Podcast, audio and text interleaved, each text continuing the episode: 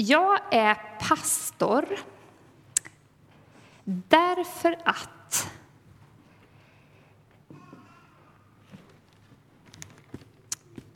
Jesus, som Gud gav som en gåva till oss.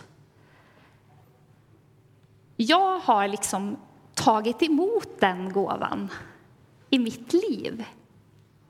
Ni som har hört mig förut vet att jag ibland pratar om att det är den största skatten i mitt liv.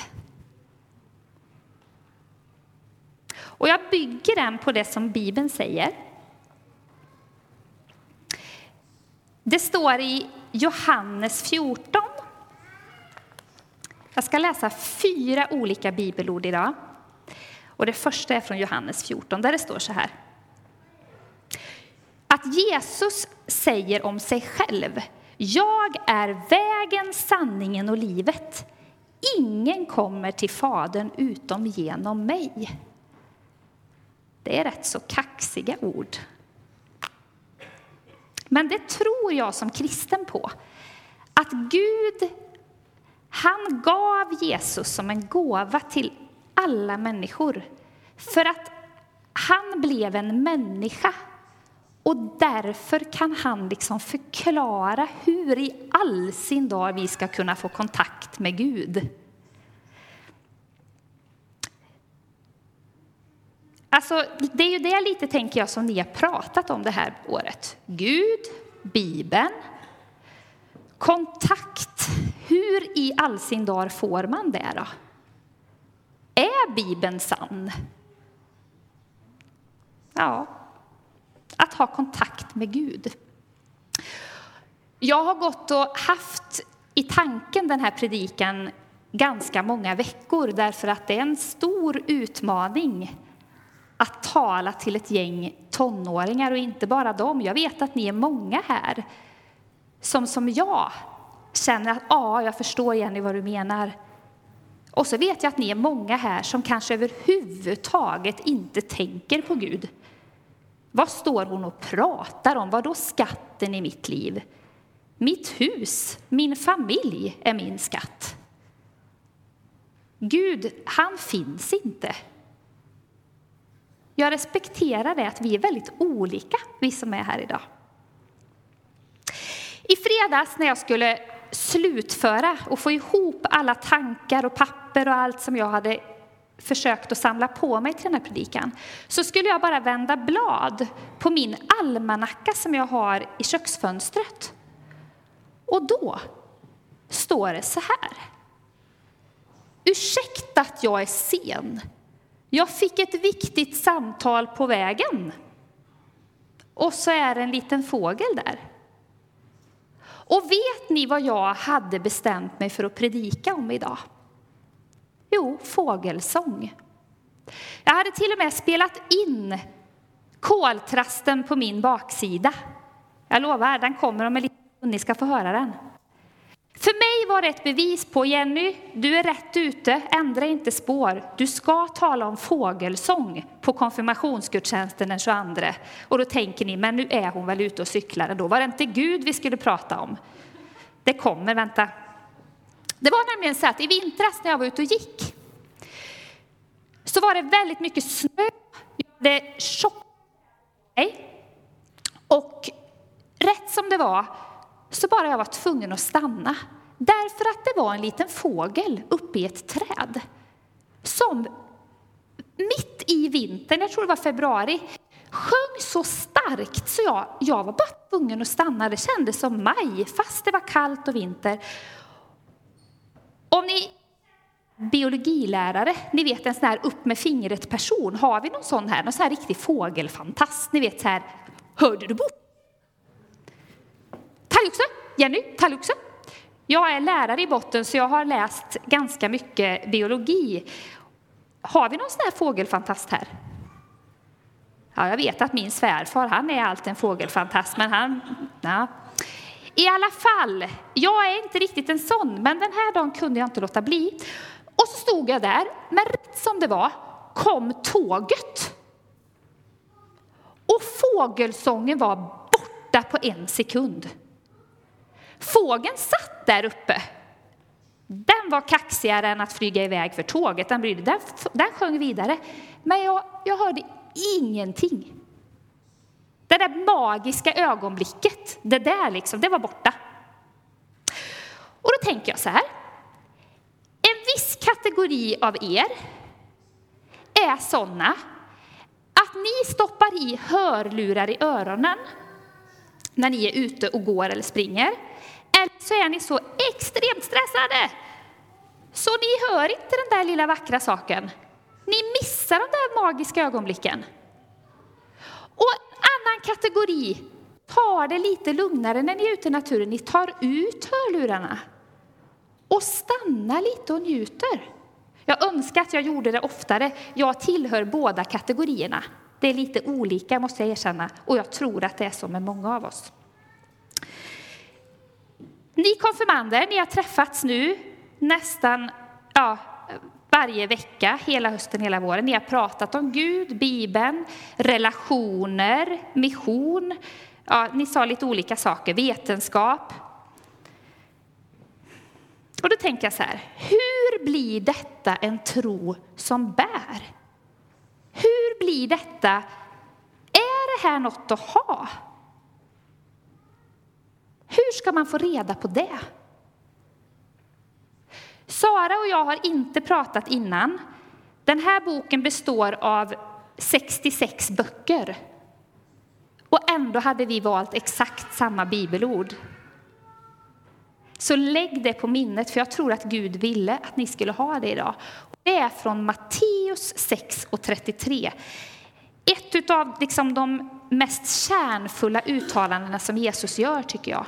Där står det, sök först Guds rike och hans rättfärdighet så ska du få allt det andra också. Alltså, ta reda på vad Gud vill med ditt liv. I det stora och i det lilla. För om man som jag väljer en världsbild där Gud faktiskt har skapat mig, då har han en tanke med mitt liv. Och jag är helt övertygad om att han har en tanke och den är olika för er alla. Därför att vi är olika och vi behövs för varann. Och här kommer då fågelsången in, jag har inte glömt den. När tåget kom med sitt buller så bara det, fågeln försvann. Och då tänker jag så här, att jag tror att Gud, han finns där hela tiden och vill liksom säga saker till dig. Han vill liksom sjunga någonting in i ditt öra. Men om du hela tiden stoppar in hörlurar eller stressar dig igenom livet, då är det inte möjligt för Gud att bevisa att han finns vid din sida. Och jag tänker att det här är en extra stor utmaning för oss i Sverige. Det finns ett bibelord från psalm 46 som säger Bli stilla och besinna att jag är Gud. Alltså liksom förstå att jag är Gud. Och vi är så lite stilla i vårt land. Så jag tror att det är en extra stor utmaning för oss. Och det är inte konstigt att Sverige är ett av de mest sekulariserade samhällena. Väldigt många av oss tänker att vi klarar oss utan Gud. Medan i de flesta andra världsdelar och länder så växer kristenheten. För jag tror att när jag tar tid, eller min erfarenhet är ska jag säga, att när jag tar tid och blir tyst en stund, sätter mig ensam, när ingen annan är hemma, går en promenad utan att sätta i Anders Glenmark eller något annat som jag gillar. När jag sätter mig en liten stund och läser i den här boken, när jag går på en sån här gudstjänst, så är det som att jag hör, alltså det är inte så, här, det är inte så att jag hör eh, mammas röst, men jag hör som att en, det är en tanke tanke som kommer. Ibland säger den här tanken till exempel, såna här dagar ni vet när man känner sig allmänt inte på topp. Sätter jag mig och så säger jag, Gud, var är du? Och då kan den där rösten komma, Jenny, du är du och du duger. Du duger som du är, Jenny. Kom igen nu. Och då kan ju du tänka, ja men det där är ju bara så positivt tänkande, så där kan ju jag också tänka. Ja, men jag har valt en världsbild där Gud är med. Och där jag då stillar ner mig, jag tror att det är då fågel, fågeln kommer. Jag tror att det är Gud själv som talar till mig. I psalm 139 så står det i vers 13 att Gud, han som skrev psalmen säger Gud, du vävde mig i moderlivet, alltså när du låg i magen, så var det Gud som tänkte dig. Och i vers 16, att Gud, du såg mig innan jag föddes. Och det är det finaste jag skulle kunna skicka med er. Tänk att få leva så, tänka att Gud har tänkt mig. Även om jag ibland kan känna, varför är jag inte som honom? Eller varför är inte jag mer som henne? Ja, men Gud har tänkt mig, för han behöver mig någonstans. Mitt liv har ett värde och en mening. Och era liv har en enormt stort värde och mening. I torsdags så var jag faktiskt på riktigt väldigt orolig för en sak. Jag vaknade och kände att jag ville helst inte gå till jobbet. Jag hade ingen kraft för en sak som hade hänt på onsdag kväll, som jag hade fått reda på. Jag var ledsen, jag var väldigt trött. Och så biter man ihop, vet ni, och så gick jag till jobbet och där träffade jag en kvinna. Och så sa jag till henne så här, du, idag är jag trött. Bara så du vet. Och då sa hon, du Jenny, i morse när jag läste Bibeln så läste jag det här. Och så sa hon ett bibelord. Inget av dem jag läst nu, utan ett helt annat. Hon sa ett bibelord till mig. Och jag kände när hon sa det, ja men just det ja. Och så kändes det bättre. Och så gick dagen. Vid sju ungefär på kvällen så fick jag åka med en annan kvinna hem från jobbet. Och så satt hon där vid ratten och så sa hon, du jag pratar med en annan här idag och då påminde jag henne om, och så sa hon ett bibelord. Vet ni vilket bibelord hon sa? Exakt samma bibelord som den andra kvinnan som inte hade något med den här att göra hade sagt till mig på morgonen. Sen någonstans vid 23, samma torsdag, nu i torsdags, så sitter jag vid mitt köksbord. Och en i min familj kommer in i köket. 23 på kvällen, jag hade tagit min kvällsfil. Ni som vet, känner mig vet att det är så här äh, same procedure every uh, night. Jag måste ha min kvällsfil. Så jag satt där åt den. Och då kommer en familjemedlem och det här händer aldrig, det har aldrig hänt. Med en bibel och slår upp och sätter sig in till mig. Jag hade inte sagt något om att jag hade varit ledsen på morgonen, inget om de här bibelorden. Så sätter sig den här familjemedlemmen. Du mamma, jag tänkte jag skulle läsa högt för dig.